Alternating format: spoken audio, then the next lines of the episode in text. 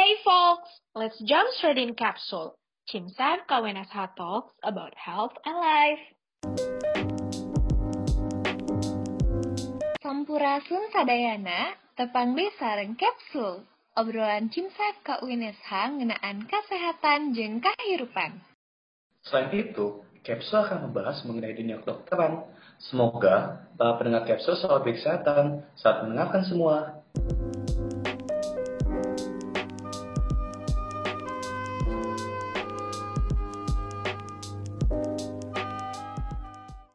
Teman-teman semua, para pendengar setia dari podcast Kapsul Cimsa FKWNS Talks About Health and Life yang episode kali ini akan berko berkolaborasi kembali dengan Medisin. Tentunya di sini teman-teman udah pada nggak asing lagi dengar suaranya, tapi izinkan aku untuk memperkenalkan diri lagi karena ada pepatah tak kenal maka kata sayang. Um, halo semuanya, kenalin aku Nadia Syahra sebagai VLI Cimsa FKWNSH 2020-2021. Tentunya di episode kali ini aku nggak sendirian, melainkan bersama co-founder dari Medisin, yaitu Dr. Fania Utami, yang sekaligus merupakan alumni dari CIMSA FKWNSH. Halo Kak Fania. Halo Nada, gimana kabarnya Nada? Um, Alhamdulillah baik nih Kak. Kalau Kakak Alhamdulillah. Baik juga, puasanya lancar nih? Lancar Kak, Alhamdulillah. Belum ada bolong. Alhamdulillah. Gimana nih? Alhamdulillah. Oke. Oke. Deh Kak. Jadi untuk uh, kali ini kita akan ngebahas tentang agak beda nih Kak dari sebelumnya. Kita akan ngebahas tentang jenjang karir seorang dokter yang di mana um, Nada sendiri nanti insya Allah ke depannya akan menjadi dokter dan masih kurang terpapar nih Kak tentang ini. Jadi mungkin kita akan sharing-sharing bareng ya Kak ya. Oke, boleh banget. Ini jujur aja waktu dulu pas aku setingkat sama Nada, itu tuh aku bener-bener bingung kayak nanti kalau jadi dokter tuh gimana sih? Apakah praktek aja gitu dunianya atau kan karena kita sehari-hari ketemu dosen juga apakah nanti ada pilihan lain kayak jadi dosen juga.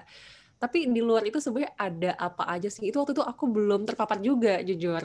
Jadi kayak pada saat itu bahkan itu kan informasi itu nggak sekencang sekarang itu benar-benar terbatas gitu jadi seneng banget sih kalau misalnya ngebahas ini supaya bisa teman-teman yang masih belum begitu notice nanti gimana ketika udah jadi dokter itu bisa jadi lebih tahu gitu gambaran sedikit lah ya Oke, berarti ini pas banget ya Kak. Mungkin relate ke banyak orang yang masih bingung. Jadi teman-teman harus dengerin sampai akhir nih. Kita bakal seru banget ngebahas tentang jenjang karir seorang dokter.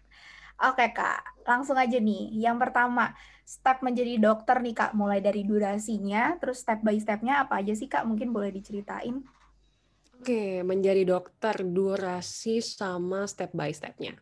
Jadi mungkin yang sudah udah saat ini nada alami juga ketika kita masuk itu kita punya dua jenjang ya kalau pas di kedokteran itu jadi ada jenjang preklinik sama jenjang klinik. Kalau jenjang preklinik itu kayak yang saat ini nada sedang jalani itu kan mirip sama S1 di bidang lain, di bidang jurusan lain. Tapi nanti ketika sudah selesai di bidang di jenjang tersebut, jenjang preklinik, itu nanti akan ada kelanjutannya berbeda dengan bidang lain, kita memang mandatori harus melalui jenjang tersebut, yaitu jenjang klinik. Jadi pada klinik itu adalah sekitar kurang lebih tiga tahun kalau lancar dan kalau untuk klinik juga kurang lebih dua tahun kalau lancar. Totalnya itu sekitar lima tahun. Nanti setelah itu karena kita tinggal di Indonesia ini ada regulasi yang mandatori juga. Jadi setelah kita lulus itu kita nggak boleh langsung praktek kan. Kita urus administrasi dulu dokumen-dokumen segala macam, tapi kita nggak boleh praktek secara mandiri, memang belum legal di Indonesia, kita tuh harus melalui satu step lagi yang namanya internship. Nada tuh udah pernah dengar belum sih istilah internship? Udah kak, internship itu kayak pengabdian gitu ya kak, kayak kita ke puskesmas atau mungkin nanti ke daerah gitu ya kak ya? Ya benar banget. Itu kalau yang Nada tahu, itu apalagi sih terkait dengan internship kayak tahu nggak sih berapa lama durasinya, terus ngapain aja? Hmm, kalau yang Nada tahu sih internship itu selama kurang lebih satu tahunan gitu ya kak ya. Terus menjadi dokter. Akan tetapi uh, kalau yang mungkin takutnya nanti correct me if I'm wrong ya kak ya uh, belum yeah. dapat SIP ya kak. Jadi kita belum bisa untuk uh, praktek sendiri gitu kak. Ya kurang lebih kayak gitu. Jadi memang sebenarnya tuh kita secara keilmuan udah oke okay nih. Kan udah lulus ya, udah lulus UKMPPD. Udah oke okay nih secara keilmuan. Cuma takutnya kaget kalau misalnya langsung dilepas sehingga ada peraturan yang mengharuskan kita tuh praktek sebagai dokter tapi perlu disupervisi oleh dokter yang lebih senior. Supaya kelihatan nih oh uh, ini udah udah mampu nih untuk mengaplikasikan apa yang kita pelajari waktu preklinik. Eh waktu preklinik sorry. Waktu di jenjang kedokteran tersebut preklinik dan klinik. Seperti itu supaya nggak kaget juga. Terus nanti selesai itu kan itu selama satu tahun. Selesai itu baru deh baru dilepas, dilepas terus boleh pilih jenjang karir sendiri. Dan tahu nggak sih Nada? Ini sepengalaman aku ya, aku nggak tahu nanti apakah Nada atau teman-teman Nada mengalami atau enggak. Jadi ketika momen di mana selesai internship, itu banyak sekali dokter sejawat yang mengalami quarter life crisis. Kenapa? Karena sepengalaman aku ketika aku melihat, jadi kita tuh udah terbiasa punya path yang jelas awal kita masuk kita oke okay, kita preklinik. Abis itu kita ngapain? Oh kita koas kita klinik. Abis itu ngapain? Oh kita internship. Udah itu kan jelas banget pathnya kan.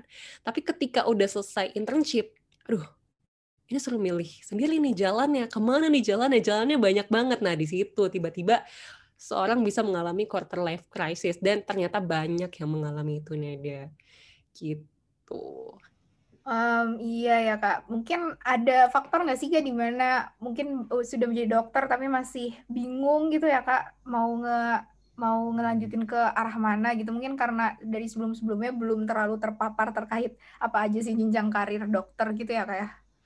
Hmm, sebenarnya bisa karena dia juga belum belum, uh, begitu banyak wawasannya terkait dengan pilihan karirnya apa aja, itu satu. Tapi sebenarnya yang lebih besar lagi sepertinya ya, ini nggak nggak berlaku ke semua orang, tapi sepertinya yang berperan cukup besar itu adalah dia itu perlu mengambil suatu keputusan yang besar. Ketika dia udah ambil satu path itu, ya dia nggak bisa mundur lagi. Kalau mundur itu bakalan sayang waktunya sia-sia. Sehingga ada rasa takut gitu. Aduh, kalau misalnya saya ambil, misalnya contoh ya, saya ambil spesialis jantung, tiba-tiba di tengah jalan nanti kayaknya nggak serak nih, mau pindah.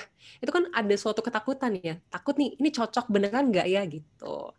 Kenapa takut? Karena yang tadi, karena tiba-tiba dia benar-benar harus memutuskan sesuatu sendiri, dan juga padahal sebelumnya itu dia udah tahu path-nya dan path-nya jelas tapi bukan dia yang memutuskan. Memang udah alurnya kayak gitu gitu.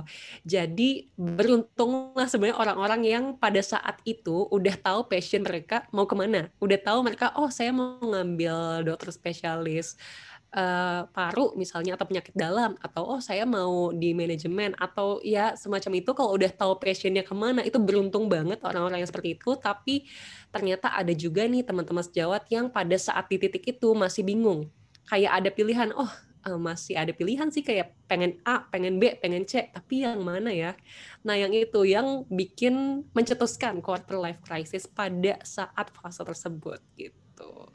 I see. Oke, Kak. Benar-benar benar banget sih. Nah, kalau dari Kavania sendiri nih, sekarang yang Kavania lakukan gitu setelah menjadi dokter, apakah itu memang sudah sejalan dan sama persis seperti yang Kakak rencanakan dulu mungkin pas lagi dari preklinik atau mungkin Kakak memang baru mem memutuskan setelah menjadi dokter itu atau bagaimana, Kak?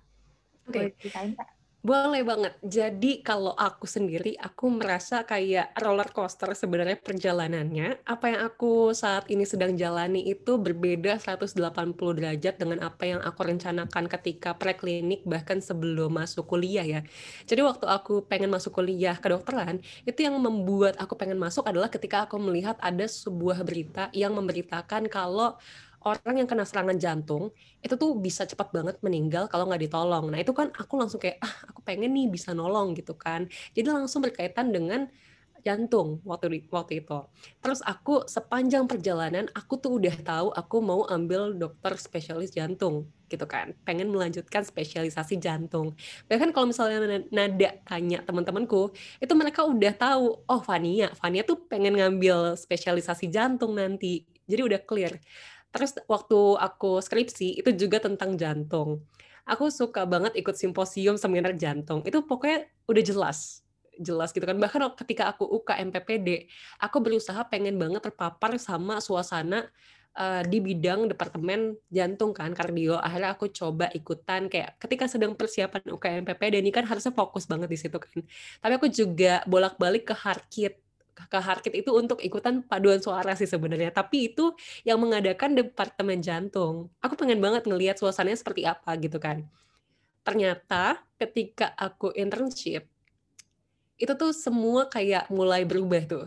Mulai berubah ketika aku melihat kayak oh kayaknya passion aku sebenarnya bukan di sini nih padahal itu kan udah bertahun-tahun ya aku meyakini aku akan ambil spesialisasi jantung tapi akhirnya pada at some point ketika internship aku merasa kayak passion aku bukan di jantung untuk saat ini kayaknya aku merasa aku bisa melakukan sesuatu yang belum banyak dilakukan orang lain tapi bisa membantu gitu. Jadi pada saat itu aku melihat kalau ternyata di Indonesia masih banyak gap di bidang kesehatan dan itu bisa dibantu melalui kayak semacam inovasi atau apa pun yang bergerak di luar sistem gitu. Jadi bisa melengkapi atau kayak menghubungkan gap-gap itu Gitu Nada, sehingga akhirnya aku saat ini berubah nih. Saat ini kalau misalnya ditanya apakah masih mau eh, untuk ambil spesialisasi jantung, seperti yang sudah aku cita-citakan dulu, itu jawabannya adalah 99% enggak, karena aku sudah tahu apa yang aku suka, aku sudah tahu apa yang aku anggap sepertinya bisa membantu Indonesia, walaupun skalanya nggak gede-gede banget, tapi setidaknya aku bisa ikut andil di situ, dan aku tahu aku bisa ngelakuin ini ya udah aku lakuin aja gitu. Sehingga ya kalau ditanya apakah sama dengan dulu jawabannya enggak. Enggak sih sebenarnya. Dan ada sih sebenarnya kalau misalnya ngobrol sama teman-temanku juga ada yang mereka sesuai jalannya dengan apa yang dia cita-citakan pada saat dulu masih kuliah. Tapi ada juga nggak sedikit juga yang akhirnya beralih nih. Pindah ternyata mengetahui oh aku tuh ternyata sukanya yang lain gitu. Ada juga yang kayak gitu, nggak sedikit gitu deh. Oke kak, ini mungkin jadi note untuk Nada juga yang mungkin sekarang sudah apa ya sudah mimpi-mimpi gitu nanti setelah jadi dokter pengen jadi dokter ini ini berarti emang harus benar-benar kayak ngegali passion sama harus lebih mengenali diri sendiri gitu ya kak. Jadi untuk ke depannya biar nggak salah untuk mengambil pas apa yang cocok gitu untuk ke depannya gitu ya kak. Iya benar banget. Jadi kayak kita berusaha memahami diri sendiri, terus kayak kita sukanya apa sih? Bener nggak sih kita? Kan kadang gini, hobi kita itu kan ketika kita bekerja itu tuh nggak melulu kalau misalnya pekerjaannya diulang-ulang, nggak semua orang bisa bisa menyadari kalau misalnya oh itu benar yang saya suka. Kadang justru ada orang yang ketika dia merasa oh ini passion saya, passion saya, terus dia ngelakuin itu tapi dilakukan berulang-ulang, ternyata dia baru menyadari oh ternyata yang saya suka bukan ini. Gitu. Jadi banyak juga sih yang seperti itu sebenarnya. Jadi kita benar-benar harus memahami diri sendiri. Dan ada satu satu yang perlu dipegang sih. Jangan ikut-ikutan orang lain. Udah itu udah paling paling paling nggak boleh dilupain. Jangan ikut-ikutan orang lain. Jangan karena si A uh, masuk departemen apa gitu. Misalnya ambil spesialisasi apa oh kayaknya keren nih. Ikut ah nah itu yang jangan justru gitu deh Nah, ini udah ada pesan nih ya teman-teman semua dari Kavania emang harus mengenali diri sendiri dan intinya janganlah jangan ikut-ikutan orang lain gitu. Dalam hal kecil juga nggak usah ya kak ikut-ikutan harus percaya sama diri sendiri gitu ya kak. Ya benar kan kita yang bakal ngejalanin hidup kita sampai ya usia dua tiga puluh empat puluh lima puluh sampai akhir nanti gitu kan.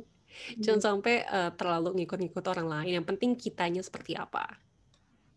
But here you are kak, kayak siapa sih yang nggak kenal sama dokter Fania gitu? Kayak sekeren itu gitu. Walaupun berbeda 180 derajat tapi um, apa ya? Kayak Nada sendiri ngerasa emang yang kakak lakuin tuh apa ya? Seperti extraordinary gitu loh. Jadi kayak hmm. orang-orang tuh banyak yang mungkin tidak bisa gitu untuk maksudnya uh, apa ya?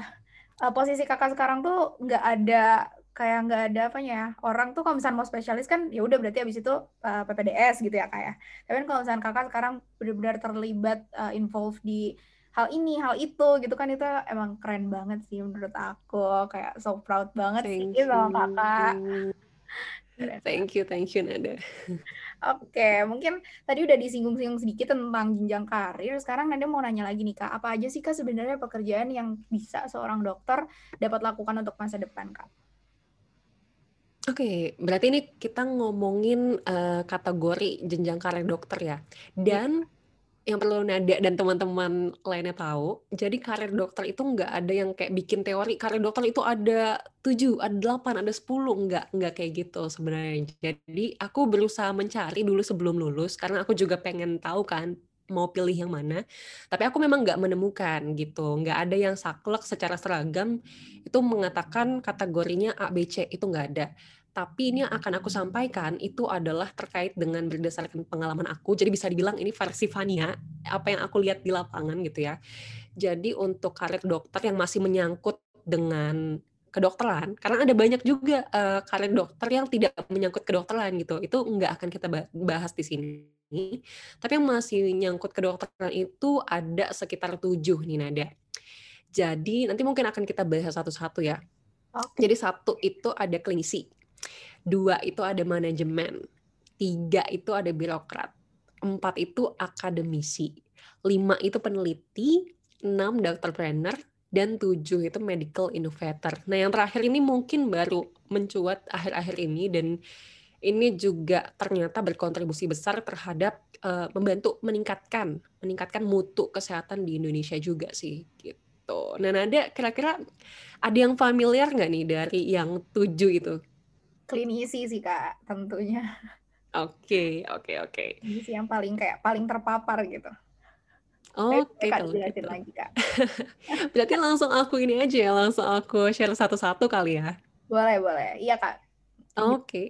Jadi kalau untuk klinisi kan udah udah jelas ya sebenarnya klinisi itu jadi melakukan apa yang dia pelajari keilmuannya jadi langsung one on one ke pasien langsung seperti itu. Ini bisa dokter umum bisa, dokter spesialis bisa, dokter militer juga bisa yang berpraktek sebagai klinisi, dokter uh, ini juga dokter polisi, dokter tentara seperti itu itu bisa. Itu kalau dia menerapkan keilmuannya dan langsung menangani pasien itu maka disebutnya klinisi kayak gitu dan itu yang memang kita familiar banget apalagi waktu nanti masuk ke koas ke klinik itu akan langsung terpapar banget tuh dengan para para dokter yang memang mengambil jenjang karir klinisi gitu.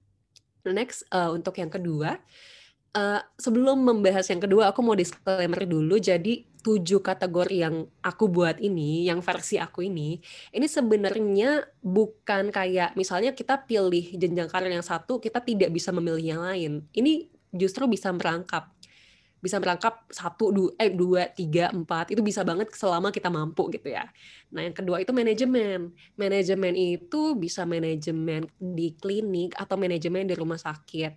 Jadi dia itu mengurusi ini gimana nih caranya supaya mutu layanan di rumah sakit atau mutu layanan di klinik ini bisa baik? Bagaimana pasien bisa bisa apa ya bisa terlayani dengan baik gitu jadi gimana caranya keilmuan yang sudah kita pelajari itu bisa diimplementasikan ke rumah sakit atau di klinik. Karena kalau tidak ada yang mengurus manajemen ini bisa jadi chaos. Apa yang selama ini kita pelajari di kedokteran ketika kuliah itu bisa jadi tidak bisa diimplementasikan dengan baik. Contoh nih, misalnya manajemen vaksin deh. Manajemen untuk vaksin. Kita tuh harus memastikan kan kita tahu nih, ketika kita kuliah kita tahu kalau vaksin itu ketika dipakai untuk pasien tidak boleh rusak, tidak boleh sampai kadaluarsa. Nah, salah satu peran manajemen itu itu juga memastikan untuk stok vaksin itu benar gitu, baik. Itu salah satu bagian kecil doang ya. Dia tuh harus bisa memastikan bagaimana vaksinnya itu terjaga dengan baik, tidak kadaluarsa, tidak rusak. Kalau kadaluarsa, kalau sampai kadaluarsa apa yang harus dilakukan? Gitu penghancurannya bagaimana itu bagian manajemen gitu. Dan lumayan sih lumayan banyak yang harus di uh, harus di manage kayak gitu. Kalau misalnya ada nanti passionnya memanage sesuatu itu bisa juga tuh merangkap jadi bagian manajemen gitu. Berikutnya nih ya berikutnya adalah birokrat. Jadi birokrat itu terkait dengan dokter yang uh, jadi pemangku kebijakan bisa dibilang kayak gitu ya. Mungkin tergabung di pemerintahan kayak mungkin spesifiknya di Kemenkes gitu kan. Jadi benar-benar menata menata ini di Indonesia peraturan yang baik itu seperti apa sih di bidang kesehatan. Itu untuk birokrat. Lalu yang keempat itu akademisi. Nah, akademisi ini maksudnya adalah mungkin yang biasa kita sebut adalah dosen ya. Jadi yang mengajari calon-calon dokter itu adalah akademisi seperti itu. Jadi nanti mengajari calon dokter, mendidik bagaimana caranya calon dokter nanti ketika sudah lulus bisa benar-benar punya ilmu yang fresh, punya ilmu yang kuat untuk bisa menangani pasien di lapangan. Itu untuk akademisi. Lalu yang kelima, itu ada peneliti. Jadi peneliti ini yang masih berkaitan dengan ranah kedokteran, bidang kedokteran, jadi dia itu kontribusinya gede banget. Tapi seperti yang kita tahu nih, nada di Indonesia itu sebenarnya peneliti belum begitu banyak ya. Belum begitu banyak, mungkin karena ada berbagai kendala. Salah satunya adalah kendala budget. Itu budget untuk penelitian di Indonesia belum begitu banyak. Itu udah jadi rahasia umum. Tapi peneliti itu, peran peneliti sangat penting sangat penting karena kita bisa rasain sendiri nih waktu lagi zaman-zaman COVID itu kan semakin banyak penelitian yang terbit itu semakin bagus karena kita semakin tahu kan terkait dengan COVID itu seperti apa gitu. Terus nextnya itu adalah yang keenam dokter trainer. Ini juga semakin banyak yang tertarik ke arah sana karena mungkin mungkin karena melihat apa ya karena melihat hype-hype di luar sana itu banyak yang menjadi entrepreneur dan terlihat bisa membantu memberikan impact ke banyak orang, akhirnya banyak dokter juga yang ingin bisa memberikan impact melalui dokter planner ini. Seperti itu. Nanti itu bisa banyak deh, banyak dia biasanya masih di bidang kesehatan atau kedokteran. Itu disebutnya dokter planner atau dokter yang memang dia dokter tapi memang dia uh, membuka usaha bukan untuk di bidang kesehatan tapi di bidang lain. Itu juga masih disebutnya dokter planner. Biasanya itu ada juga orang yang punya uh, niatnya kayak gini nada. Jadi dia itu tahu dia mau praktek tapi dia tahu dia tidak ingin membebankan biaya ke pasien. Itu ada juga tuh yang akhirnya memutuskan untuk jadi dokter planner. Jadi dia menghidupi kehidupan sehari-harinya dari usahanya dia, tapi dia juga tetap berpraktek, cuma dia tidak mengharapkan imbalan dari pasiennya. Itu salut banget dokter-dokter yang seperti itu, dokter seperti itu juga ada di Indonesia. Dan itu juga disebutnya dokter planner seperti itu. Dan yang terakhir nih yang ketujuh, yang ketujuh itu adalah medical innovator. Jadi ini baru-baru ini beberapa tahun terakhir mulai muncul dan perannya juga sangat-sangat membantu nih, membantu meningkatkan bidang kesehatan di Indonesia. Nah, medical innovator ini mungkin bisa dilihat biasanya di startup sih. Di startup kan sekarang sudah mulai banyak tuh startup di Indonesia yang di bidang kesehatan atau kedokteran. Yang nggak akan aku sebut di sini ya namanya, nama startupnya, tapi kita bisa tahu lah, kita bisa tahu uh, terkait dengan telemedicine atau terkait dengan apa pun di bidang kedokteran atau kesehatan, itu kan akan ada sesuatu yang baru. Jadi dari keilmuan yang sudah kita pelajari di perkuliahan, itu dikombinasikan dengan teknologi gimana sih caranya supaya ini bisa jadi lebih efektif dan efisien. Nah, itu tuh tugasnya para medical innovator, dokter yang nyemplung dalam tanda kutip yang nyemplung di startup, itu dia memikirkan hal itu, gimana caranya supaya bisa jadi lebih efektif, bisa jadi lebih efisien, gimana caranya supaya contohnya, contohnya nih, sesimpel kayak kalau misalnya kita ke rumah sakit, mungkin kita akan ngantri ya, kita akan ngantri lama gitu kan. Dan kita nggak tahu ngantrinya berapa lama. Nah perannya medical innovator itu adalah melihat oh ini ada problem nih di sini. Orang sakit ngantri lama nggak tahu kapan gimana caranya dia bisa lebih nyaman. Oh dia jadi bisa bikin uh, antrian online misalnya. Atau mungkin solusi yang lain adalah dokternya yang ke rumah gitu. Nah, itu adalah perannya medical innovator di situ untuk kayak cari nih solusi dari sebuah problem yang ada. Seperti itu Neda. Gimana kira-kira? Jujur Kak, sebelum podcast ini tuh Nada kepikiran hanya satu gitu ya. Maksudnya kayak ke depannya bakal kayak oh uh, mengarah ke uh, sini gitu. Tapi setelah mendengar kakak tuh sekarang jadi udah ada tiga nih yang Nada yang tertarik. Oh kayaknya aku bisa, kayak aku cocok. Oke. Okay. Apa aja Nada ada tiga?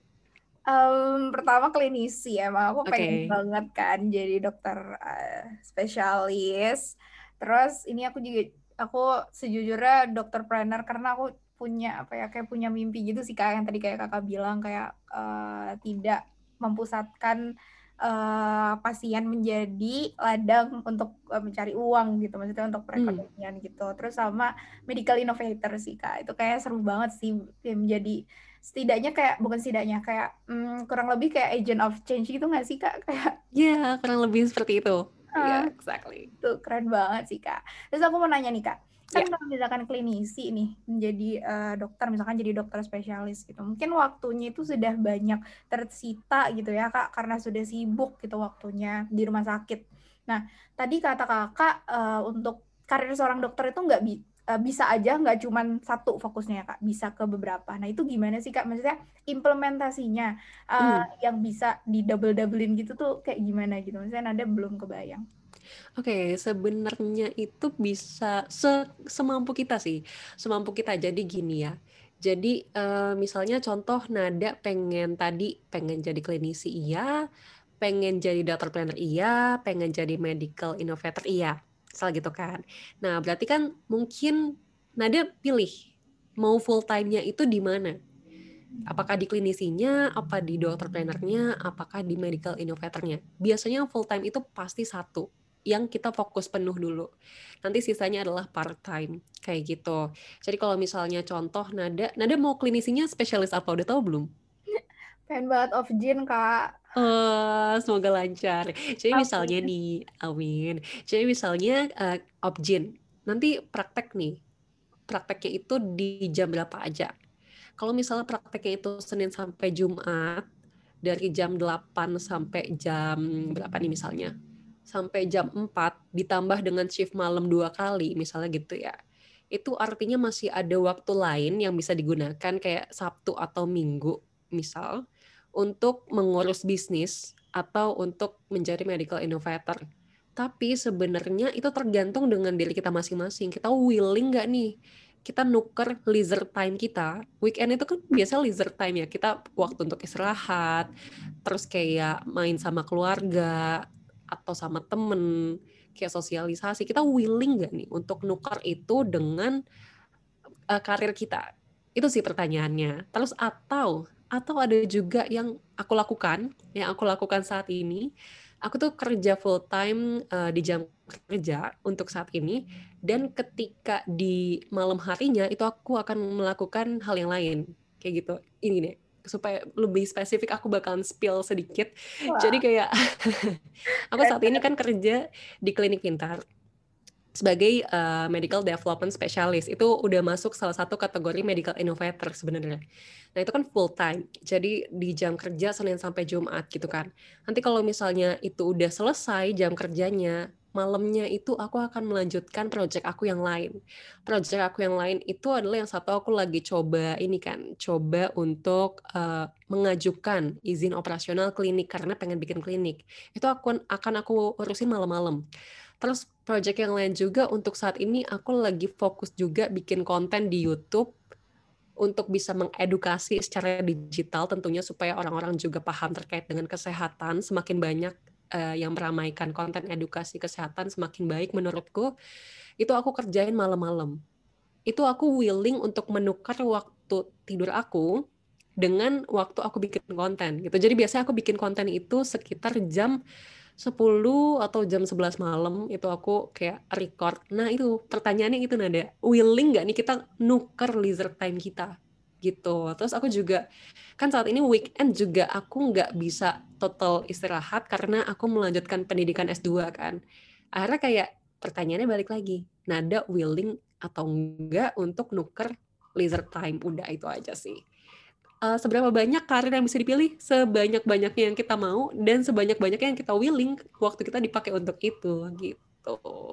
Oke kak, berarti benar-benar kembali ke pribadi masing-masing ya kak. Kayak dia mau seberapa produktif gitu. Tapi nada ya. banget sih, takjub banget sih sama Kak Fania ini. Teman-teman podcast semua harus beruntung karena bisa dengerin dan bisa tahu nih ilmu dari Kak Fania gitu kan. Kak Fania sibuk banget tapi masih ada untuk kita semua ini keren banget sih. Thank you Dede. Ada kakak dalam uh, apa ya dalam meniti karir kakak gitu? Apakah ada nih hmm. kak kayak pengalaman atau yang mungkin tidak terlupakan atau mungkin kendala-kendala yang kakak alami gitu mungkin yang bisa di sharing gitu biar teman-teman semua lebih kebayang gitu gimana sih uh, berkarir uh, sebagai seorang dokter. Oke, okay. kalau terkait dengan berkarir sebagai seorang dokter itu kendala aku lebih ke ketika mengambil keputusan sih. Ketika mengambil keputusan apalagi pada saat turning point di mana aku memahami kalau apa yang aku suka dan aku ingin jalani itu ternyata beda beda jalur nih dari kebanyakan orang. Jadi aku malah justru tertarik untuk ngambil jalan kecil yang kayaknya orang nggak banyak lewat situ. Orang biasanya lewat jalan yang lebih besar, terus banyak kan yang lewat lalu lalang di situ. Nah itu tuh ada sebuah ketakutan kayak aku yakin nih mau ngambil jalan kecil yang banyak eh, yang nggak banyak orang lewatin gitu kan. Nanti kalau misalnya ternyata nggak berhasil nggak bisa mundur lagi loh. Kan iya kan? Kalau misalnya aku ternyata di tengah-tengah merasa oh bukan ini nih jalannya. Aku udah uh, habis waktu untuk ambil spesialisasi gitu kan. Harusnya mungkin dari beberapa tahun lalu aku bisa langsung lanjut gitu Nah di situ ada sebuah ketakutan di mana aku kayak menghabiskan waktu beberapa bulan, nggak sebentar pastinya untuk mikir ini bener nggak ya, bener nggak ya. Tapi mikirnya itu sekalian nyemplungin diri gitu Nada. Jadi aku nyemplungin diri dalam artian aku pengen banget coba jadi medical innovator di mana aku memahami kalau medical innovator itu terkait dengan startup. Akhirnya yang aku lakukan adalah ya udah aku sekalian nyemplungin aja. Aku waktu itu ikutan sebuah incubator di Singapura dan aku stay di situ sekitar dua setengah bulan di sana. Terus kayak ngeliatin orang-orang kayak gimana sih sebenarnya kalau sedang mendesain sesuatu dan bisa langsung diimplementasikan itu caranya seperti apa. Itu aku menjalani dua setengah bulan itu dan akhirnya aku memahami oh emang ini jalannya. Dan kayaknya kalau aku pilih ini aku nggak bakal mundur nih. Karena aku tahu kalau misalnya ini bisa jadi apa yang didesain dari problem yang ada itu bisa solve lumayan banyak problem dan itu bisa harapannya sih bisa memberikan impact gitu ya. Bisa turut andil untuk meningkatkan mutu layanan kesehatan yang ada di Indonesia. Di mana kita tahu saat ini masih banyak PR tentunya di bidang kesehatan tapi kita juga sama-sama. Tentunya bukan aku bukan aku doang yang menjalani ini. Banyak dokter di luar sana yang juga berusaha sangat keras untuk meningkatkan mutu layanan di Indonesia. Karena kita sama-sama pengen lihat nggak sih di Indonesia tuh kayak mutu layanan kesehatannya keren gitu kan. Pengen banget kita itu kayak sama-sama mimpi bersama gitu. Gitu Bener banget. deh. Bener banget sih kak. Aku juga kayak aduh pengen banget Indonesia tuh punya ya punya seperti yang tadi kakak impikan gitu loh kayak uh, taraf kesehatannya benar-benar tinggi gitu terus kayak mutu kualitas dan semua muanya gitu terkait kesehatan Indonesia itu juga tinggi itu tapi dan kakak menurut aku udah ya kayak di posisi kakak sekarang kakak udah seorang medical innovator sih kak. Udah keren banget. Yeah. pokoknya semoga lancar terus ya kak terkait uh, apa aja yang kakak lakuin gitu tadi kan banyak banget ya yang dilakuin ya semoga lancar urusannya dan semakin sukses kak Amin. Ada juga semoga lancar perkuliahannya. Semoga segera tuh bisa langsung achieve yang tiga karir pilihan yang tadi. Amin. Amin. Amin. Terima kasih Kak. Mungkin ini Nada mau nanya lagi nih Kak terkait karir ya. tadi yang tadi ada tujuh. Nah, kalau misalnya um, dari apa ya semuanya itu mungkin ada plus minusnya masing-masing ya kak terkait karirnya itu kan tergantung apakah cocok ke pribadi masing-masing atau enggak. Tapi kalau misalkan dari kakak nih, misalkan terkait menjadi um, birokrat ya tadi yang kerja di uh, menjadi bagian dari Kemenkes kayak gitu-gitu. Nah, nah itu tuh gimana sih kan misalnya untuk menggapainya itu meraihnya tuh kayak gimana kayak step-stepnya mungkin yang kakak tahu? Oke, ini mungkin karena aku nggak langsung berkecimpung di situ, tapi aku punya beberapa teman yang juga di situ gitu. Jadi step-step awal tentunya kayak ngambil pendidikan tambahan sih. Tapi ngambil pendidikan tambahannya juga sambil kayak semacam magang atau internship gitu di kementerian terkait, misalnya Kemenkes gitu ya. Itu juga ditambah dengan sebenarnya apa sih uh, bidang spesifik apa yang mau kita kita geluti di situ? Karena kan di situ ada bidang-bidang spesifik lainnya tuh langsung kecil-kecil. Kita mau yang mana gitu? Sembari yang tadi magang tadi. Nah nanti terus juga kenal sama banyak senior di sana terus juga banyak tukar pikiran. Akhirnya dengan banyak ngobrol itu akhirnya jadi membuka wawasan kita dan kita jadi bisa lebih tahu kita harus ke mana kita harus ngapain dan kita mau pilih apa. Dengan kita banyak ngobrol sama orang itu juga membuat kita jadi makin kenal sama diri sendiri. Gitu sih. Jadi makin tahu kita tuh pengennya apa sih sebenarnya? Makin tahu teknis detailnya lah intinya gitu oke kak. Berarti emang harus nyebur dulu ya kak? Maksudnya harus apa ya involve di daerah itu berarti kalau misalkan mau tahu kita cocok atau enggak. Kayak tadi kan kakak medical innovator kakak um, sebelumnya udah ikutan yang dua setengah bulan itu kan kak? Yang kayak hmm. ngeliatin kayak gimana sih sebenarnya cara kerjanya dan lain-lain. Berarti itu semua yang teman-teman. Kalau misalkan teman-teman mau memutuskan aduh mau mengarah ke mana berarti emang harus turun dulu harus benar-benar tahu dulu itu tuh kerjaan yang ngapain terus apakah kita cocok atau enggak kayak gitu. Iya, sebenarnya ada analoginya sih Nada. Aku nah, pertama kali dengar analogi ini, aku nggak tahu sebenarnya siapa yang ngeluarin, tapi aku pertama kali dengar ini Gary V yang ngeluarin. Terus dia bilang gini, kalau misalnya kita mau tahu apa yang kita suka dan apa yang pengen kita jalani, ya cobain karena analoginya adalah kita gimana bisa tahu makanan yang kita suka kalau kita nggak coba jadi cobain aja semua makanan, semua jenis makanan, terus akhirnya kita tahu, oh yang kita suka tuh ya makanan misalnya apa donat, atau ternyata yang kita suka misalnya apa kue apa gitu. Kalau kita nggak coba cuma ngeliatin doang, itu kayaknya enak ya, kayaknya enak ya, kita nggak tahu, nggak tahu bakalan kayak gimana nantinya. Karena emang mau nggak mau, kita harus coba langsung gitu sih. Akhirnya kita kalau misalnya udah coba langsung banyak gitu kan, kita langsung bisa pilih, oh saya nggak suka ABC, saya sukanya BCD gitu. Wah, iya sih Kak. Mungkin ini juga kayak uh, sedikit apa ya tamparan juga untuk aku gitu ya. Mungkin saat ini ada beberapa hal yang aku lakukan gitu ini kayak motivasi gitu. Berarti emang kayak uh, untuk menggapai sesuatu itu pasti um, tergantung kayak misalnya kalau misalnya kita udah ngerasa cocok, berarti emang harus dijalanin gitu ya kak. Maksudnya harus semangat gitu. Iya, harus coba dulu lah pokoknya. Mulai aja dulu kalau kata slogan salah satu startup di Indonesia. Oke teman-teman, harus mulai aja dulu nih biar tahu. Terus nih Kak, kalau misalkan ngomongin tentang hmm, tadi kan peneliti ya Kak. Peneliti tadi ya. di Indonesia um, sebagai rahasia umum uh, mungkin budget untuk uh, researcher itu masih belum uh, setinggi di luar negeri gitu ya Kak. Nah, ya. Nah, tapi untuk uh, keadaan peneliti sekarang di Indonesia kayak gimana sih? Maksudnya kakak tahu uh, kalau uh, boleh di-sharing yang kakak tahu aja gitu. Mm-hmm. Jadi kalau misalnya terkait dengan peneliti di Indonesia itu sebenarnya banyak. Itu banyak sebenarnya. Cuma kadang banyak kendala-kendala juga yang akhirnya ketika dia udah ngeset salah satu salah satu metode yang ideal untuk penelitiannya, akhirnya karena keterbatasan itu dia harus kayak memodifikasi. Jadi apa yang ideal itu tidak bisa terimplementasi sesuai dengan apa yang dia sudah rencanakan.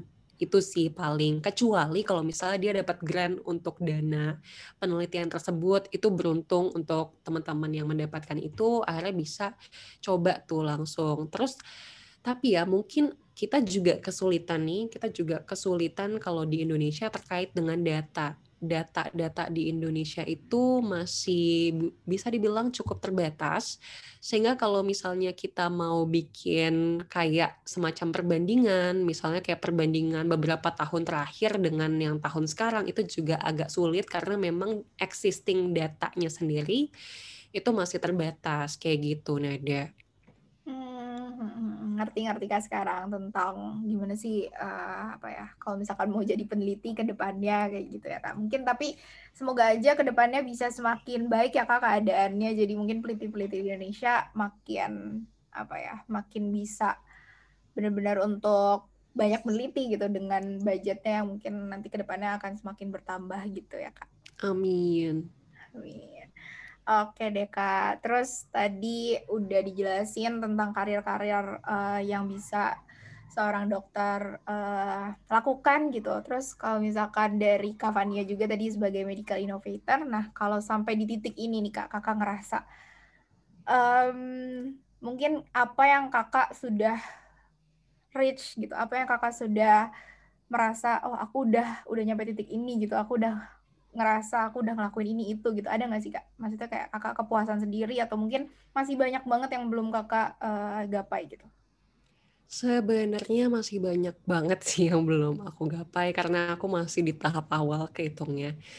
Tapi yang bisa aku rasain sekarang yang bisa bikin apa ya terenyuh gitu ya. Terenyuh ketika aku bisa um, cari tim dan aku bisa melihat timku itu hidup dari hasil apa yang kita usahain gitu.